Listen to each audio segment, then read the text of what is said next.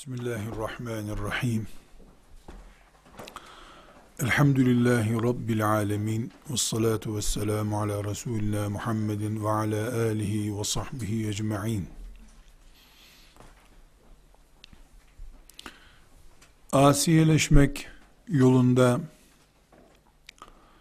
veya Tahrim suresindeki Allah'ın hükümlerinin tatbikinde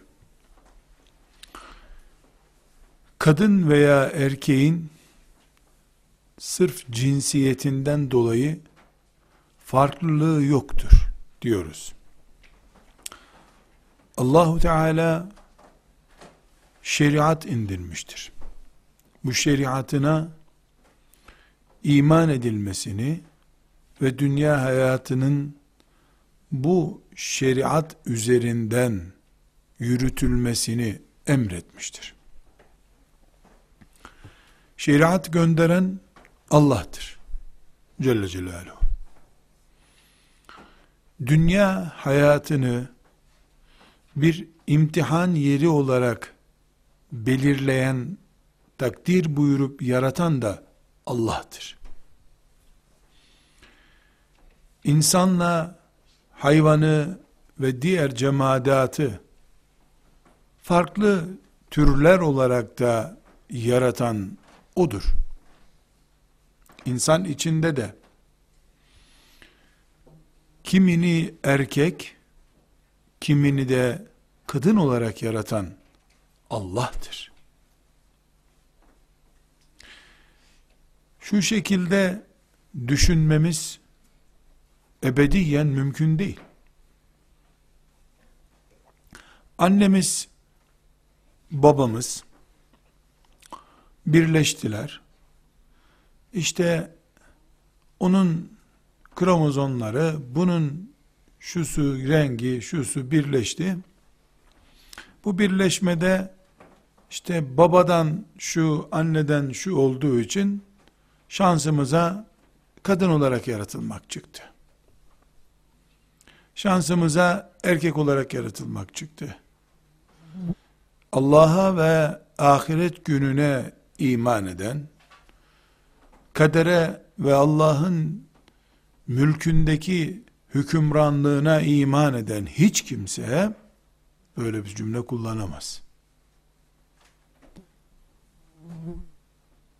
Yani erkek veya kadın olarak yaratılmış olmamız, birimize erkek, birimize kadın derisi giydirilmiş olması, annelerimiz ve babalarımızın işte şöyle birleşmesinden böyle birleşmesinden kaynaklandı diyemeyiz. Benim erkek yaratılmam bir başkasının kadın yaratılması o anne babanın birleşme gününden başlatılması yanlış olan bir anlayıştır.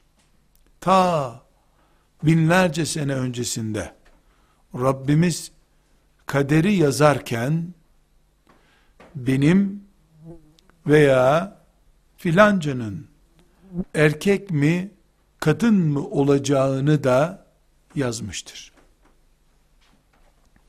Kadın olmak, erkek olmak kimsenin kendi seçeneğiyle beğenisi ile kabulü ile ortaya çıkmamıştır. Bir erkek erkekliği çok beğenip kuradan erkeklik çıksın diye gayret etmiş bir durumda değildir. Kadın da aynı şekilde değildir. Allah erkek ve kadın olarak yaratmıştır. İnsan yaratmayı Allah'ın dışında bir iş olarak görebilirsek, yani insan, işte şöyle bir yuvarlanma sonucu, şununla şöyle olması sonucu, kindil kendiliğinden ortaya çıktı insan, diyebilirsek, kadını kadın, erkeği erkek olarak da Allah yaratmadı, kendiliğinden ortaya çıktı diyebiliriz. Yaratmak da Allah'ın işi, kadınlık, erkeklik seçimi de Allah'ın işidir. Sadece parantez içinde yani konumuzla ilgisi olmayan parantez içinde bir cümle olarak zikredelim. Sırf bu nedenle Allah'ın işi olduğu için kadın veya erkek olarak yaratılmak insanın kendi gayreti, seçimi, tercihiyle ilgisi olmayan sırf Allah'ın iradesiyle olan bir iş olduğu için kadınlık yapısına veya erkeklik yapısına müdahale ederek ameliyatla veya bir operasyonla neyse cinsiyet değiştirmek en büyük haramlardan biridir. Neden? Çünkü insanın yaratılış tarzına müdahale edip o tarzı değiştirmesi şeytanın beklentilerindendir.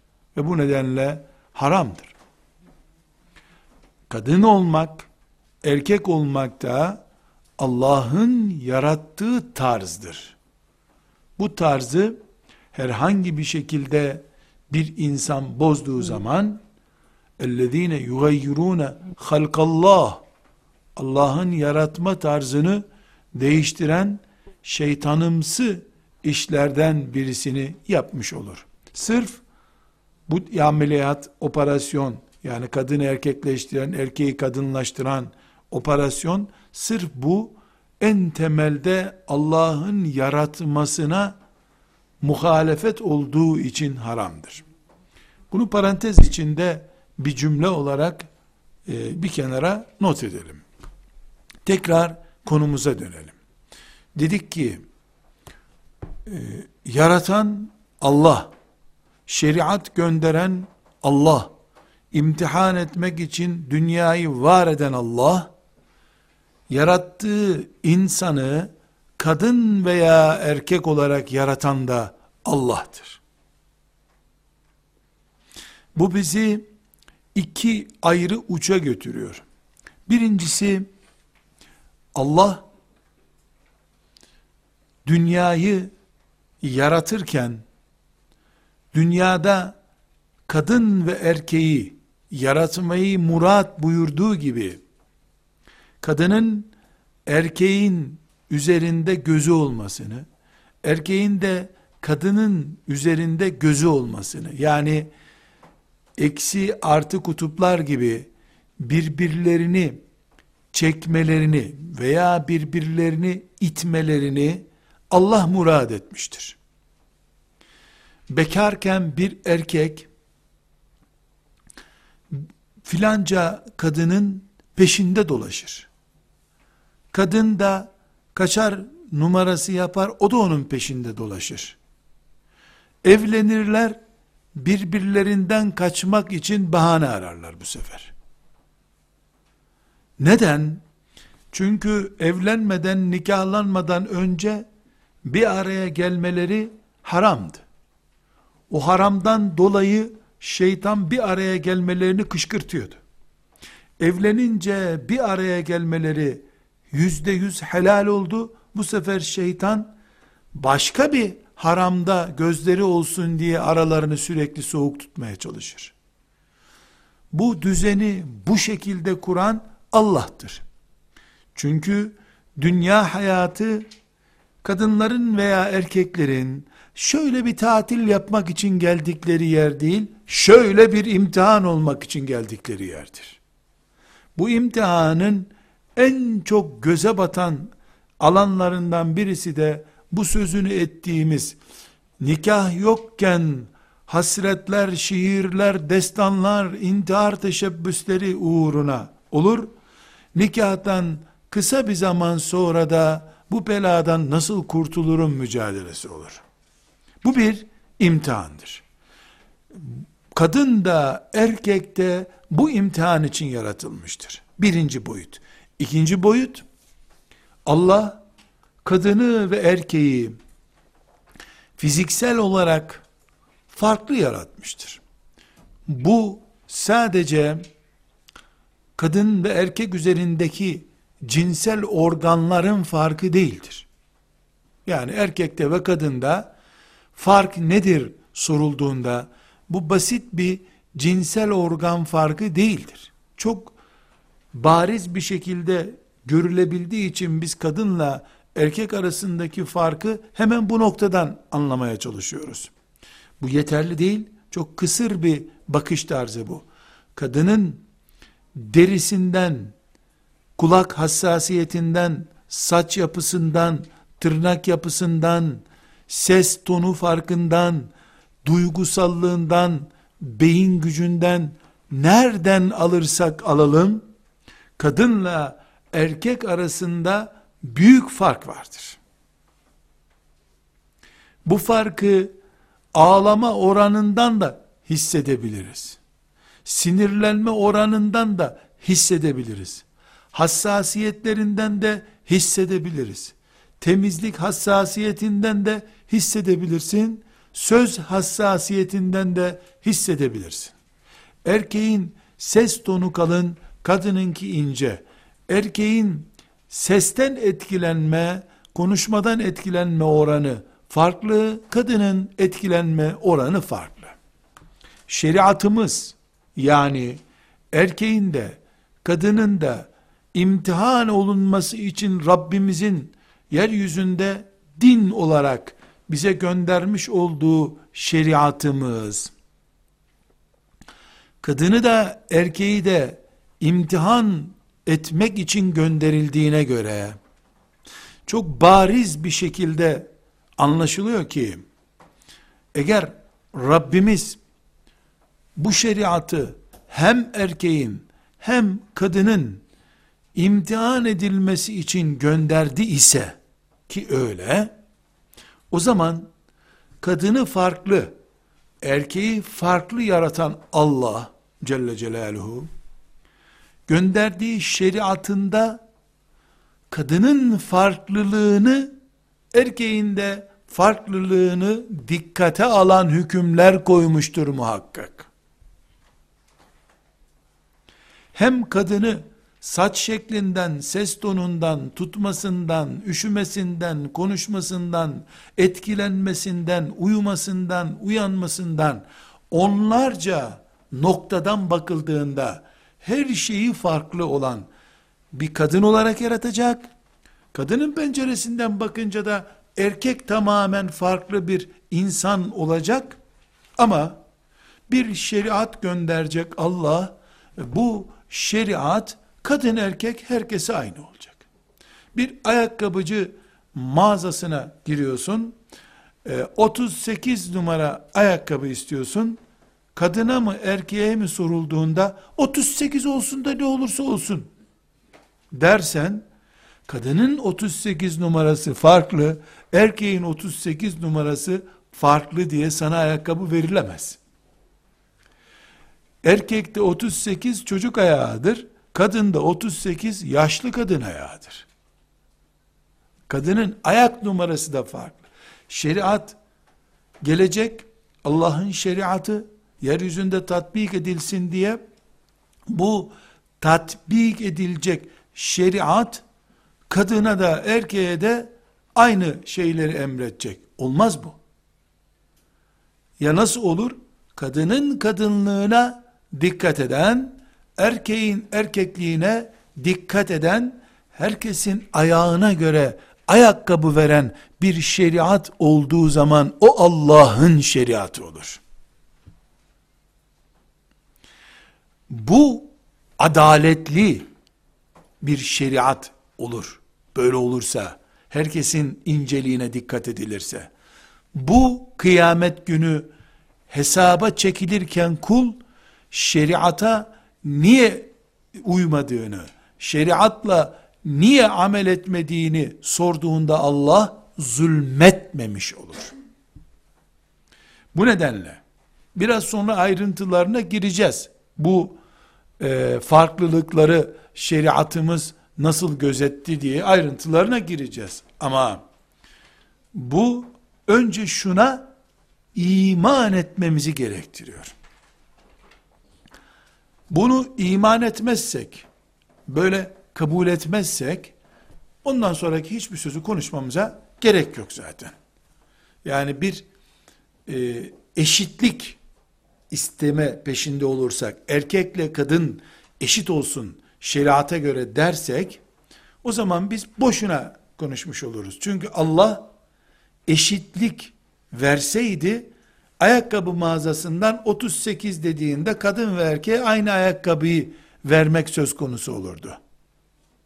Böyle olmadığına göre kadın ayakkabısı mı 38 ama kadın ayakkabısı mı erkek ayakkabısı mı sorulduğu gibi Allah'ın şeriatı da kıyamet günü cennet veya cehennemin gerekçesi olarak kullara gönderildiğinden dolayı kadının inceliğine, erkeğin farklılığına özenle dikkat etmiş bir şeriat ancak adaletli şeriat olur. Adaletli şeriat olur. Kanunlar, beşeri kanunlar, Roma kökenli İstanbul, Ankara, Kahire veya ne olursa olsun aslı Roma kökenli olan beşeri kanunlar eşitlik sağlarlar. Adalet sağlayamazlar. Kadın erkek eşittir der. Çünkü kadını yaratmadığından kendisi de erkek veya kadın olduğundan kanun koyucu ya kadın bloku altında olduğu için kadınları ayyuka çıkaran kanunlar koymak zorunda ya da erkek hükümranlığı ile hazırlanırsa kanunlar erkek ağırlığı ile kanun koymakta. Şeriatın dışındaki yani Allah'ın dininin dışındaki güçler hiçbir zaman adalet sağlayamazlar. Eşitlik sağlarlar. Eşitlik de herkesin aynı ayakkabıyı giymesi, herkesin aynı bedeni giymesi gibi bir olaydır. Herkesten aynı ses tonunu, herkesin sakallı olmasını, herkesin ya da sakalsız yaratılmasını erkek kadın ayrımı yapmadan beklemektir eşitlik. Herkesin sakallı olması kadın veya erkek eşitliktir. Herkes sakalsız olacak, bıyıksız olacak da eşitliktir. Ama erkeği sakal ve bıyıkla, kadını da sakalsız ve bıyıksız yaratmak Allah'ın işidir ve adalettir. Kadın sakallı yaratıldığında tedavi görülmesi gereken bir hastadır. Erkek köse yaratıldığında arızalı, yaratılışında arıza olan bir imtihandan dolayı Allah'ın eksik yarattığı biridir. Adalet budur. Allah'ın şeriatı da adalet içindir. Bu iman etmemiz gereken bir hakikata bizi getiriyor. Allah kulları arasında eşit davranıp üzmeyeceğim sizi diye bir vaadi yoktur.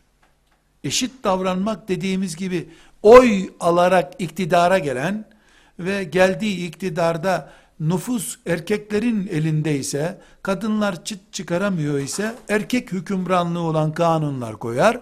Hayır, kadınlar nüfus olarak çoğunluktaysa ve iktidara gelecek siyasi gücü etkileyecek potansiyelin sahibi ise kadınlar, kadınlara bol keseden vaatleri olan, ayrıcalıkları olan kanunlar çıkarır. Erkeğe eşitler, erkekten üstün tutar, erkeğin altına indirir, üstüne çıkarır. Bu ancak beşerin oyunudur. Beşer kanunlarla oynadığı zaman böyle oynar. Güçlüyü destekler, güçlüden destek bekler. Allah ise kahhar olduğu için, mutlak kudret sahibi olduğu için, aziz olduğu için Allah, ne kadına muhtaçtır, ne erkeğe muhtaçtır. Ne kadının desteğini ister Allah, ne erkeğin desteğini ister. Kimseden bir şey istemediği için Allah, şeriatı insana minnet etmeyen şeriattır. İnsana minnet etmez Allah. Çünkü o Allah'tır. İnsan kuldur. Kul Allah'ın rızası için çalışır. Allah kulun rızası için çalışmaz.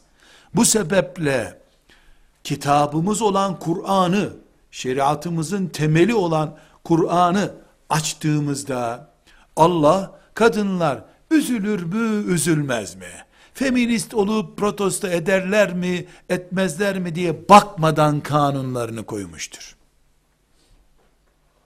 Ama beşer kanun yaparken bir asır önce çok çirkin, yasak, suç dediği şeyi mesela cinsel sapıklığı, ters ilişkiyi şimdi kanunlarla koruma altına alıp hakkıdır vatandaşın demek zorunda kalmıştır. Belki la kadderallah, la kadderallah. Gün gelir de cinsel sapıklar, ters ilişki hastalıkları, mesela İngiltere'de nüfusun yüzde elli birini ele geçirecek olsalar, otomatik olarak ne olacak o zaman? İngiltere'de Allah'ın lanetli diyarında cinsel ilişki erkek kadın arasında olduğu zaman kanunla suç sayılacak. Çünkü batının ve batıyı put edinenin, batı bataklığında batanların anlayışında çoğunluktur söz konusu olan. Cinsel sapıklar, erkek erkeğe kadın kadına evlilik yaparak hayatını en adi şekilde, en sefih şekilde yaşamak peşinde olanlar, nüfusun çoğunluğuna sahip olsalar veya İngiltere'nin medyasını ele geçirecek, sanayisinde söz sahibi olacak bir para otorite sahibi oldukları zaman yüce demokrasinin de gereği budur zaten. Onlar ne dese olacak çoğunluktadırlar. Halk böyle istiyor denecek. Niye İngiltere'de şimdi cinsel sapıklık yani kadının kadınla evlenmesi, erkeğin erkekle evlenmesi diyeyim ben ki çok müstehcen konuşmuş olmayayım. Niye kanunlarla haktır diye koruma altına alındı?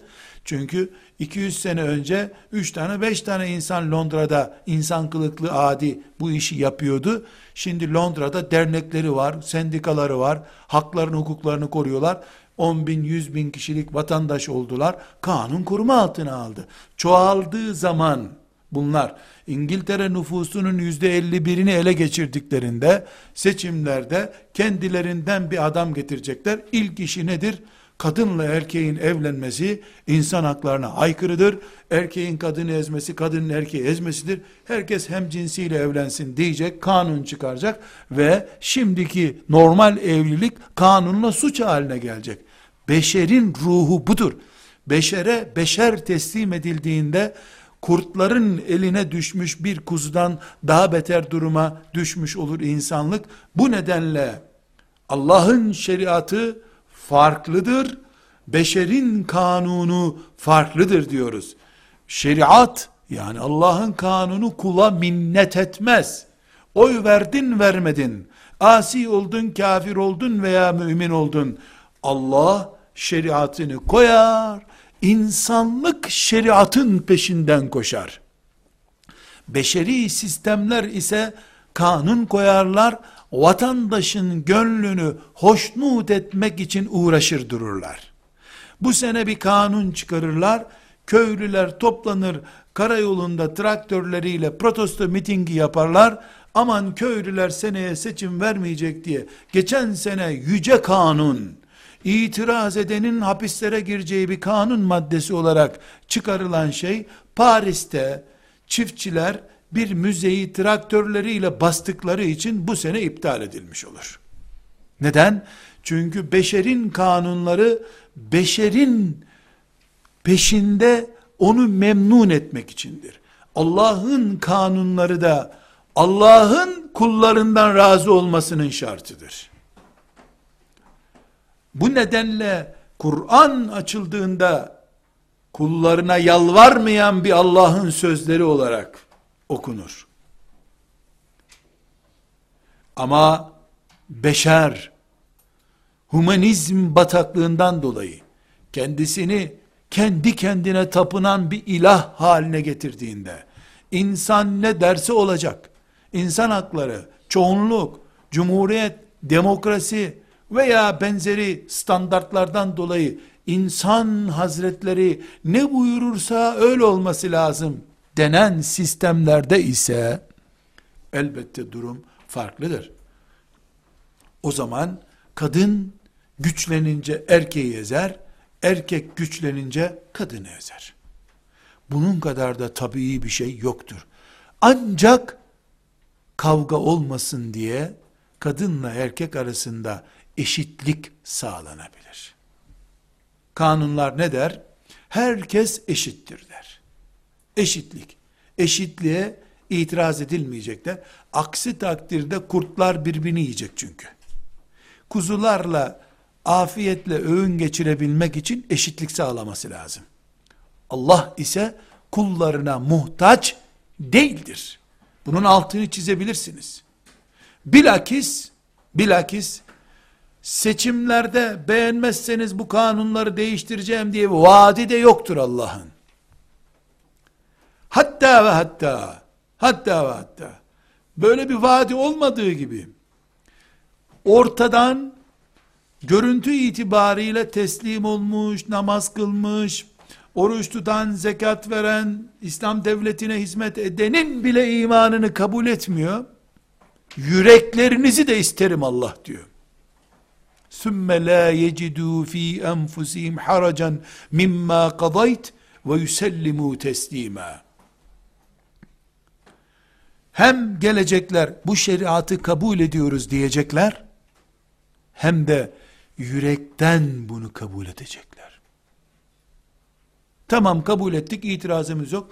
Zekatımızı veriyoruz, cihada gidiyoruz. Bunu iman kabul etmiyor Allah. Sümme la ecidû fî enfusihim haracen. Cihada da gidecek, can da verecek, çocuğunu da verecek, zekat da verecek. Zekat verirken de ne mutlu bana zekat verdim diye yüzü gülecek. Ne yapalım mecbur. Müslümanlık gereği verdik bu zekatı derse onu da istemiyor Allah. Kur'an, Allah, şeriat o kadar üstten bakar ki yaptığın işi mecburen kanun gereği yaptık desen yapılmamış sayar onu. Gönülden kul olacaksın. Gönlün Allah'ın olacak. Yüreğin Allah'ın olacak. Bu Kur'an'ın ve insanın imtihanı olarak gönderilen şeriatın farkıdır. Ancak buna bu şekilde iman edilirse mümin mümin olabilir. Aksi takdirde mümin postlu insan olur. Dünyada mümin kimliği taşır, Rabbinin huzurunda veremeyeceği bir hesaptan dolayı cehennemlik olur. Burada çok önemli kırmızı kalemle yazılması gereken bir ayrıntı var. Biz Tahrim suresinin haraminde yürüyüş yapmak istiyoruz inşallah. Ama bu kırmızı kalemle yazmamız gereken notumuzu idrak edemezsek, Tahrim suresini ses cihazından dinlediğimiz kadar ancak dinleyebiliriz. Yani bir ses kayıt cihazı dinliyor, sonra da bize dinletiyor. Tahrim suresini okumuş birisi ses cihazı gibi dinler, sen oku deyince o da sana okur gibi olabilir. Maazallah, maazallah. Rabbim konuşuyor, kulu dinliyor. Şuuru için şu kırmızı kalemle dikkat etmemiz gereken önemli bir husus var. Bakınız, ben 50 küsür yaşındayım. Babamdan ve annemden bu 50 küsür senede bir defa yavrum bana bir bardak su verir misin rica etsem sözünü duymadım. Benim yaşıtım hiç kimse de duymamıştır. Bir bardak su verir misin? Size basit geliyor. Bakın bunu nereye götüreceğiz? Şimdi ise benim çocuğumun yaşındakiler annelerinden ve babalarından yavrum rica etsem bir bardak su verir misin? Yavrum cep telefonumu getirebilir misin lütfen? Zahmet olacak sana ama. Otobüs durağında tanıştığı birisinden cep telefonunu rica edebilir miyim der gibi. Cep telefonunu verir misin? Bir bardak su rica etsem. Diyor. Bir nesil buydu, bu nesil böyle geliyor. Ben kaçta yatacağımı, kaçta kalkacağımı hiç bilmedim. Evin elektriği söndü. Uyumak zorunda kaldım. Ampuller açılınca da uyandım. Tavuk gibi. Ama benim çocuklarımın torunum olacak yaştakilerin ise yatacaksın mı yavrum uykun geldi mi diye yatak odaları hazırlanıyor. Ne ilgisi var Tahrim suresiyle bunun? Yok bir ilgisi tabi. Ama Tahrim suresinin hareminde yürüyebilmek için bunu anlamak gerekiyor. Yakın günlerde sonunda fetvameclisi.com adresine soru olarak gelen soruları karar ettim istatistik yapacağım. Kadınlar ve erkekler arasındaki sorunların nedenlerine buna beni ne sevk etti? Son bir aydır bu gelen soruları şablonlaştırıyorum. Kadınların şikayetlerinde, kadınların erkeklerin şikayetlerinde çok önemli bir ayrıntı dikkat çekiyor. Erkekler şikayet ederken işte sevmedim, yatak odam şöyle değil, böyle değil diye başlıyorlar. Kaynanam şöyle etti, böyle etti diye başlıyor. Kadınlar da zalim, dövüyor, böyle şikayetleri de var. Ama gelen 100 sorudan en az 30 tanesinde benden habersiz kocam babasına yardım etti maaşından diyor. Tembih ettim, geçen ay gene vermiş sonradan öğrendim diyor. Evlenmişler, A, B ile evlenmiş, B kadın, A erkek, A çalışıyor akşama kadar, B evde oturuyor, akşam geliyorlar, elinde poşetler mutfağa getiriyor, yiyorlar beraber. A maaşını alıyor, Babası yavrum elektrik paramıza yardım etsene diyor. Peki babacığım diyor. Elektrik parasını ödüyor. Bunu anlıyor kadın. Şirketten para çalmış hırsız muamelesi yapıyor kocasına. Benden habersiz babasına yardım etti diyor. Bir tanesi çok dikkatimi çekti. Halbuki hocam ben gaddar değilim izin istese verirdim diyor.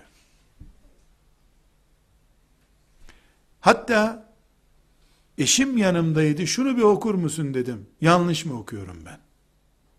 Selamla başlıyor. Bana dua ile devam ediyor. Müslüman kadın demek ki. Bir bardak su verir misin yavrumun? Uzantılarındayım hala. Şimdi ilkokuldan itibaren batı kültürlü herkesin kendi ilahı olduğu herkesin aynanın karşısına geçip ey yüce tanrı diye kendisine baktığı idrakin sonucudur bu. Evlenen kadın, evlenen erkek, yüzde elliyi bir puan geçmeyecek bir farklılıkla evlendiğini düşünüyor. Orta az diyor. Neredeyse cinsel organlarını da nöbetleşe kullanacaklar. Değiştirelim şimdi. Kaç senedir değiştirmedik diyecek. Böyle bir idrak geliyor. Bu batının bataklığında bitmiş bir çiçektir. Evet, evet ve evet yüz kere. Zulmeden koca, zalim koca melundur şüphesiz. Kul hakkıyla dirilecek çünkü. Elbette zulmeden baba ve anne kıyamet günü hesap verecek. Zalımı müdafaa etmiyoruz. Ama evladı hayvan yerine koyan anne babalık anlayışının yerine evladı putu gibi yetiştiren bir anne babalığı da o aşırılıktan bu aşırılığa kaçmak olarak görüyoruz. Getir lan bir bardak su hayvan herif diyen baba da Müslüman değildir.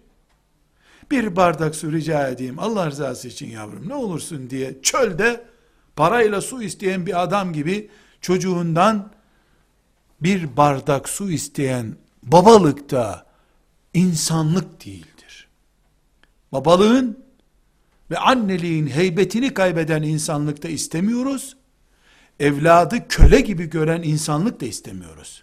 Şeriatımız bunun ortasında adil bir şeriattır. Kadını 5 senedir bir çorap bile değiştirmeyecek kadar zor şartlarda yaşatan, zırnık koklatmayan Anadolu deyimiyle gaddar, merhametsiz bir koca da Allah'ın sevgili kulu değildir. Kadının kocasının öz helal parasına niye babana bundan elektrik parası verdin diye müdahale etmesi de terbiyesizliktir. Aynı şekilde kadının elindeki parayı kadın araba alıyoruz ya hani senin bilezikler vardı versene onları diye isteyen de zalimdir. Böyle bir koca da Allah'ın sevgili kulu değildir. Para kadınınsa kadınındır. Kadının bileziğine erkek tutamaz. Ben İstanbul'da herhangi bir eve girip kadının kolundaki bilezikleri bunlar benimdir. Ver şunları desem tanımadığım etmediğim alacağım yok vereceğim yok. Ne karışıyorsun kadının bileziğine? Nasıl deniyorsa aynı şekilde bir koca karısının bileziklerine de o şekilde müdahale edemez. Kimse kimsenin namazına karışamadığı gibi, herkes kendi namazını kıldığı gibi, kocası çok yorgun olduğu zaman hanımı, senin yerine ben öğleni kılayım ya sen yorgunsun diyor mu? Veya kadın çok yorgun, bitkin, hamile, senin namazını ben idare ederim, orucunu da tutarım, sen bak işine diyor mu? Zekatına da karışmaz, malına da karışmaz. Trilyoner bir kadın, sefil borç içinde bir koca mümkündür. Tersi de mümkündür.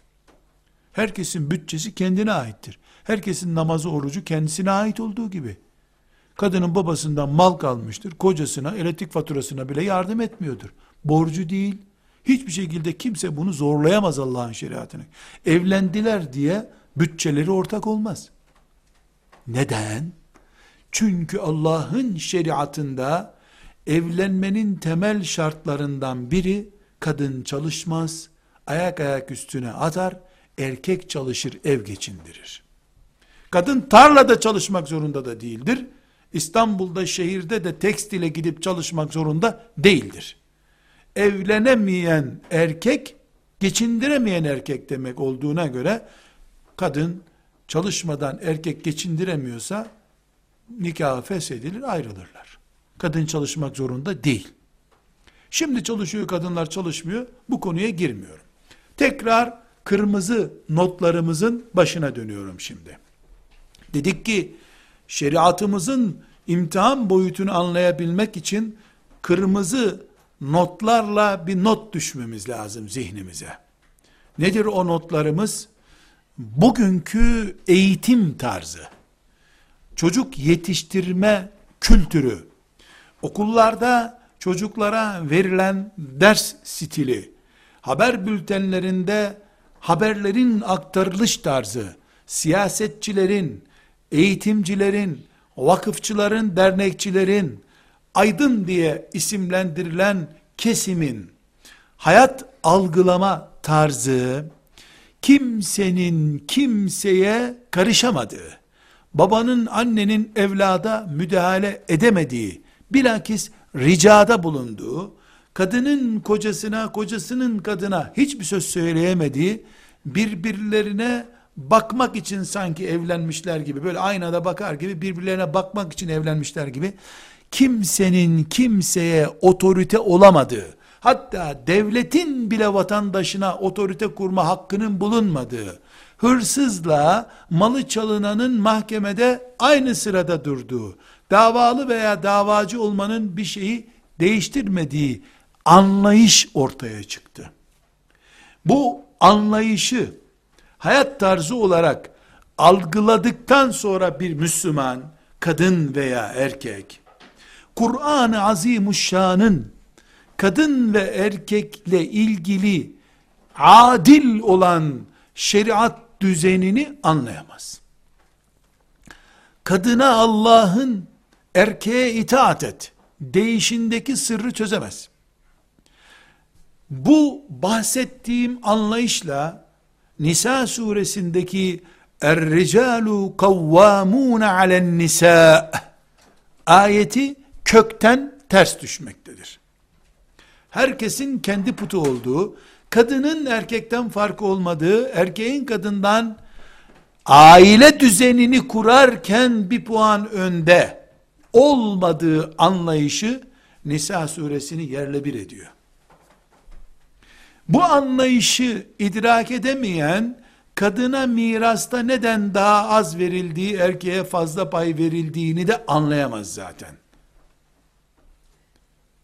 Çünkü bunun anlayışında 19 yaşında taptaze genç liseyi bitirmiş bir kız, bir zenginin göz zevkini tatmin için sekreter adıyla senelerce önünde oturmasına mubah gözüyle bakan anlayıştır. Ne farkı var? Zenginin buna maaş verecek. Maaş verdiğine göre elbette güzel de giyinecek. Diyen anlayıştır bu. Şeriat ise Allah kadını narin, herkesin dikkatini çekecek kıvamda yarattığı için evinin dışındaki her yeri ona yasaklamıştır. Sekreter olamazsın demiştir. Neden? Çünkü bu sokakta güneşin altında tutulabilecek bir şey değil. Dondurma bu erir hemen.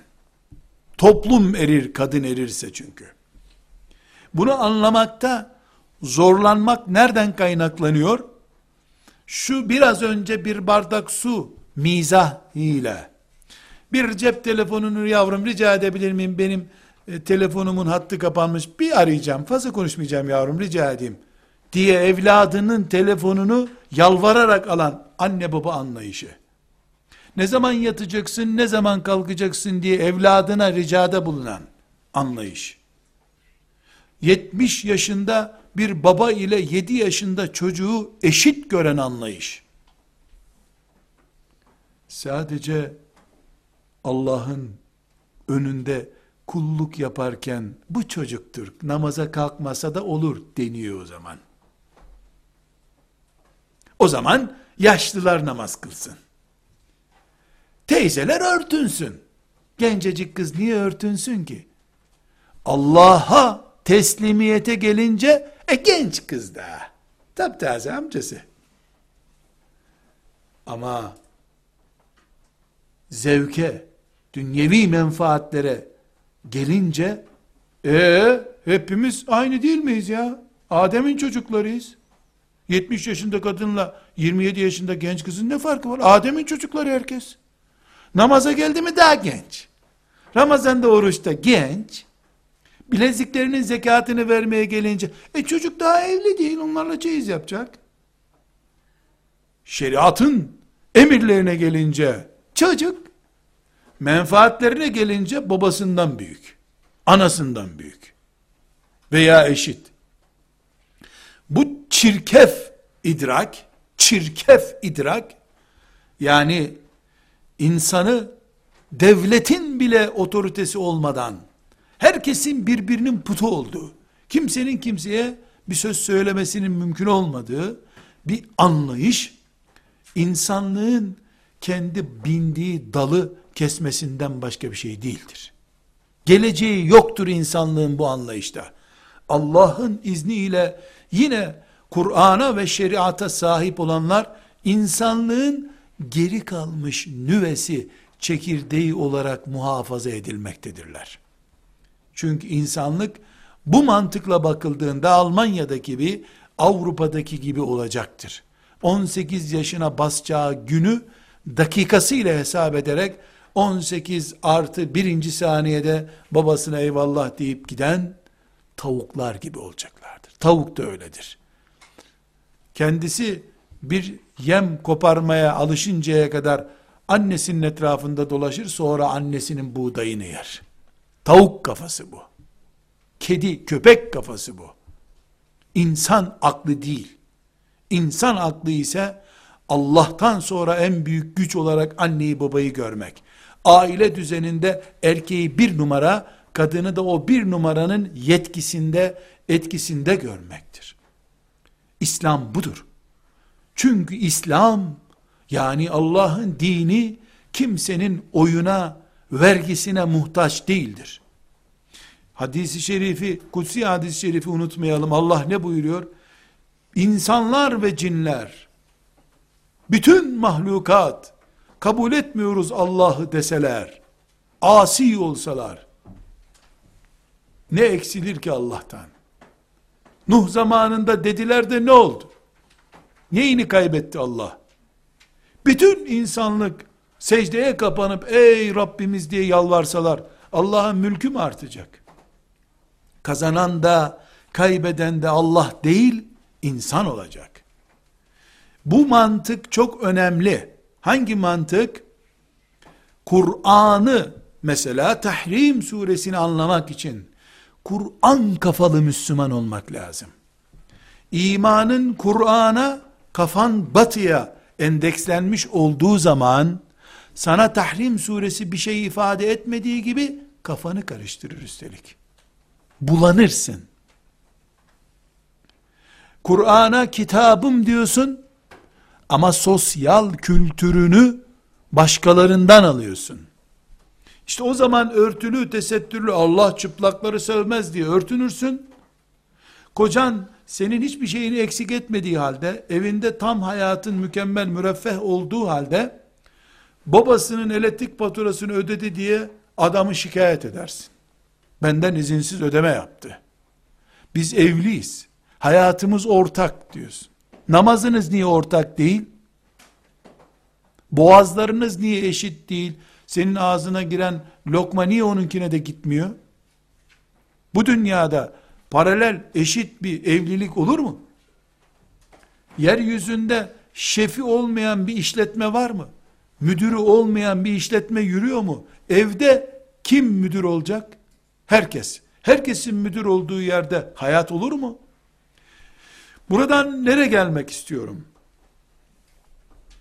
Çok önemli bir ayrıntıyı paylaşıyoruz burada. Tahrim suresinin haraminde yürüyebilmek için, as, asiye olabilmek için, en başta koyduğumuz birinci kuralımız, imanına hizmet edenler, imanından hizmet bekleyenler ayrımımızın idrak edilmesi için, Allah bu dünyaya tatile göndermedi bizi, imtihana gönderdi. Bunu anlayabilmek için, imtihanımızın en önemli ayrıntılarından biri erkek ve kadın olarak yaratılmamızdır. Erkek ve kadın olarak yaratılmasaydı yeryüzünde imtihan fiyasko ile sonuçlanırdı. Kimi neyle imtihan edecekti Allah? Yeryüzü insan için var. İnsansa kadın ve erkek bulunduğu için var. Sadece erkekler olsaydı o erkeklerin nesli bitince de insanlık bitecekti. Aynı şekilde sadece kadınlar olsaydı kadınlar bitince mesela 100 milyon kadın gönderseydi Allah dünyaya, bu 100 milyon insan hepsi ölünce insanlıkta bitmiş olacaktı. İnsanlık kadın ve erkek çaprazlığından dolayı var bu dünyada. İmtihan bunun içindir dedik diyoruz. Mümin olarak biz iman ettiğimiz kitabın mealini okumaktan, tefsirini öğrenmekten ve ilmini öğrenmeden önce halkalar yapıp işte filan sureyi okuduk demeden önce beyinlerimiz bu kitaba teslim mi değil mi bunu denememiz lazım. Allah'ın şeriatına teslim edilmemiş kafalar Kur'an'ın tamamını ezberlese, bütün tefsirleri bilgisayar gibi kafasına yüklese bir şey değişmez. Sonuç aynıdır. Neden sonuç aynıdır? Çünkü Kur'an sadece pratik uygulama istemiyor. Kur'an teslim olmuş yürekler istiyor. Öbür türlüsünü de kabul etmeyeceğini Allah Maide suresinde ilan ediyor. فَلَا وَرَبِّكَ لَا يُؤْمِنُونَ حَتَّى يُحَكِّمُوكَ ف۪ي مَا شَجَرَ بَيْنَهُمْ ثُمَّ لَا يَجِدُوا ف۪ي أَنْفُسِهِمْ حَرَجًا Tam teslim olacaklar. Peki ya Resulallah diyecekler. Ve yüreklerinden de huzur duyacaklar. Zekat verirken, sabah namazına kalkarken, uf puf ederek değil, oh ederek sabah namazı kılacaklar. Bunun için sizlere bir ipucu olsun diye şunu zikredeyim. Bir yerde on bayan veya on erkek oturdular, bir tefsirden ders yapıyorlar. Bu mübarek bir iş midir? Mübarek bir iştir. İlim midir? İlim midir? Cihat mıdır? Cihattır Allah'ın izniyle. Benim de zaruri, farz-ı ayn olacak başka bir işim yok. Bu derse katılmam nedir? Farzdır. Allah'ın kitabı öğren diyor. Bir hafta derse gittik. İkinci hafta derse gittik. Üçüncü hafta derse oturduk. Bir bayan parmağını kaldırdı. Arkadaşlar dedi. Geçen hafta bir ders yapmıştık ya. Evet. İşte Nisa suresinden filan ayetleri mealinden, tefsirinden okumuştuk ya. Evet. O ayetlerden birine benim kafam takıldı. Google'da araştırdım. Filan ilahiyatta filan hoca veya filan yerdeki filan hoca yani bu ayet bu zamanda yanlış anlaşılıyor diyor. E ne diyor? Mesela erkek ailede üstündür, kadın onun emrindedir ayetini 20. asrın iletişim çağında ve medeni kanunlarında bu ayeti uygulamak mümkün değil diyor. Yani benim aklımda yattı arkadaşlar. O hoca doğru söylüyor. Biz geçen hafta tefsirden okuyorduk ama bizim okuduğumuz tefsirci buna dikkat etmemiş. Benim aklım buna yatıyor. Doğru söylüyor hoca. Yani çocuğu biz doğuruyoruz. Biz büyütüyoruz. E, eziyeti ben çekiyorum. Doğumhanede ameliyat masasına ben yatıyorum. E niye gelip o ismini koyuyor ki çocuğun? Yani bu adaletsizlik oluyor. Zaten bu ayet aslında e, Ömer bin Hattab'ın e, aşırılıklarının etkisiyle gelmiş. Yani Cebrail etkilenmiş bir miktar. Getirirken Ömer kokulu gelmiş bu ayet. Biz de oradayız. Ne yapmamız gerekiyor? Bir dakika arkadaşlar. Kardeşim sen samimi bir şekilde böyle mi düşünüyorsun? Evet. Arkadaşlar bunu dışarı çıkarıyor muyuz? E niye çıkaracağız? Kanaatini söylüyor kardeşimiz. Bir dakika. Burada bir Allah'ın kanaati var. Bir de bizim kanaatimiz mi olacak? Biz medeni kanun yorumu mu yapıyoruz burada? Hani Allah'ın kitabını öğreniyorduk burada biz? Hani Allah'ın kitabını öğrenmek içindi? Allah'ın kitabını öğreniyoruz mu, övdüyoruz mu burada? Biz Allah'ın kitabını öğrenmek için mi topladık, öğütmek için mi topladık? Ne demek? Kurtubi bunu yanlış anlamış. Taberi yanlış anlamış. İbn Abbas'ın görüşüymüş bu. İbn Abbas da köy kahvesinde nargilesiyle meşgul bir hacı dede tabi. İbn Abbas. İbn Abbas'ın görüşüymüş. O zaman kardeşler, bu meclis benim için bitmiştir. Ben Kur'an öğrenmek için buradaydım. Kur'an öğütmek için yoktum. Eyvallah. Ben Rabbime teslim birisiyim. Allah'la tartışamam. Sen alışmışın okul kültürüne. Haydi çocuklar görüşünü belirtsin herkes diyecek sana öğretmen. Alışmışsın meclis bir kanun çıkaracak. Çıkarmadan önce basına tartışmaya verecek onu. Biri olur biri olmaz bağıracak çağıracaklar. Sonra oyu kimin çoksa onun dediği olacak. Alışmışım bu sisteme. Allah'ın kitabı kamuoyuna arz edilmiş bir kitap değildir. Fi sudur göğüslere emanet edilmiş bir kitaptır. Kamuoyuna arz edilmiş değildir. Burada kırmızı notlarımızın son cümlesini koyalım.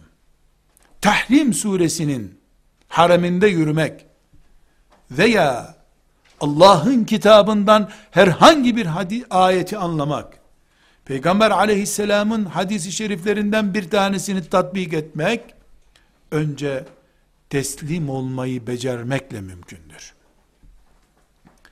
Eğer biz Rabbimizin kitabına teslimiyet sorunu yaşarsak, bir tanemiz ben inceledim, bu ayet bir kere Avrupa insan hakları beyannamesi kültürüne aykırı. Yani valla Orta Doğu şartlarında işte orta çağda kolay bunu uygulamak ama bu teknoloji çağında zor. Diyen birisiyle aynı odayı paylaşmak, aynı ders halkasına katılmak, Ebu Cehil'in leş kokan mezarında oturup çay içmekten daha kötüdür. Çünkü Ebu Cehil'in leş kokan cesediyle karşılaşsan nefretin artar. Böyle bir mecliste otursan velev ki Kur'an öğreniyoruz adıyla o meclis senin imanını berbat eder. Sen de yarın böyle düşünürsün. Allah'ın kadınları ezdiğini düşünürsün. Erkekleri şımarttığını düşünürsün. Veya erkek olarak oh be vermiş Allah bize bu kadınları dersin.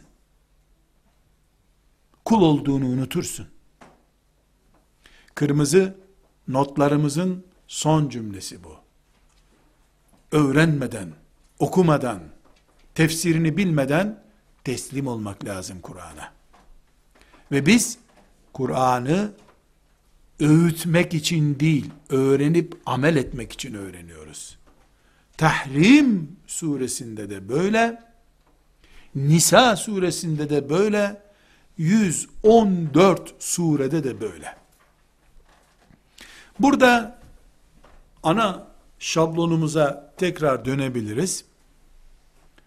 Elbette biraz önce söylediğim gibi burada aşırı gitmiş, zulme dönüşmüş despotluk var.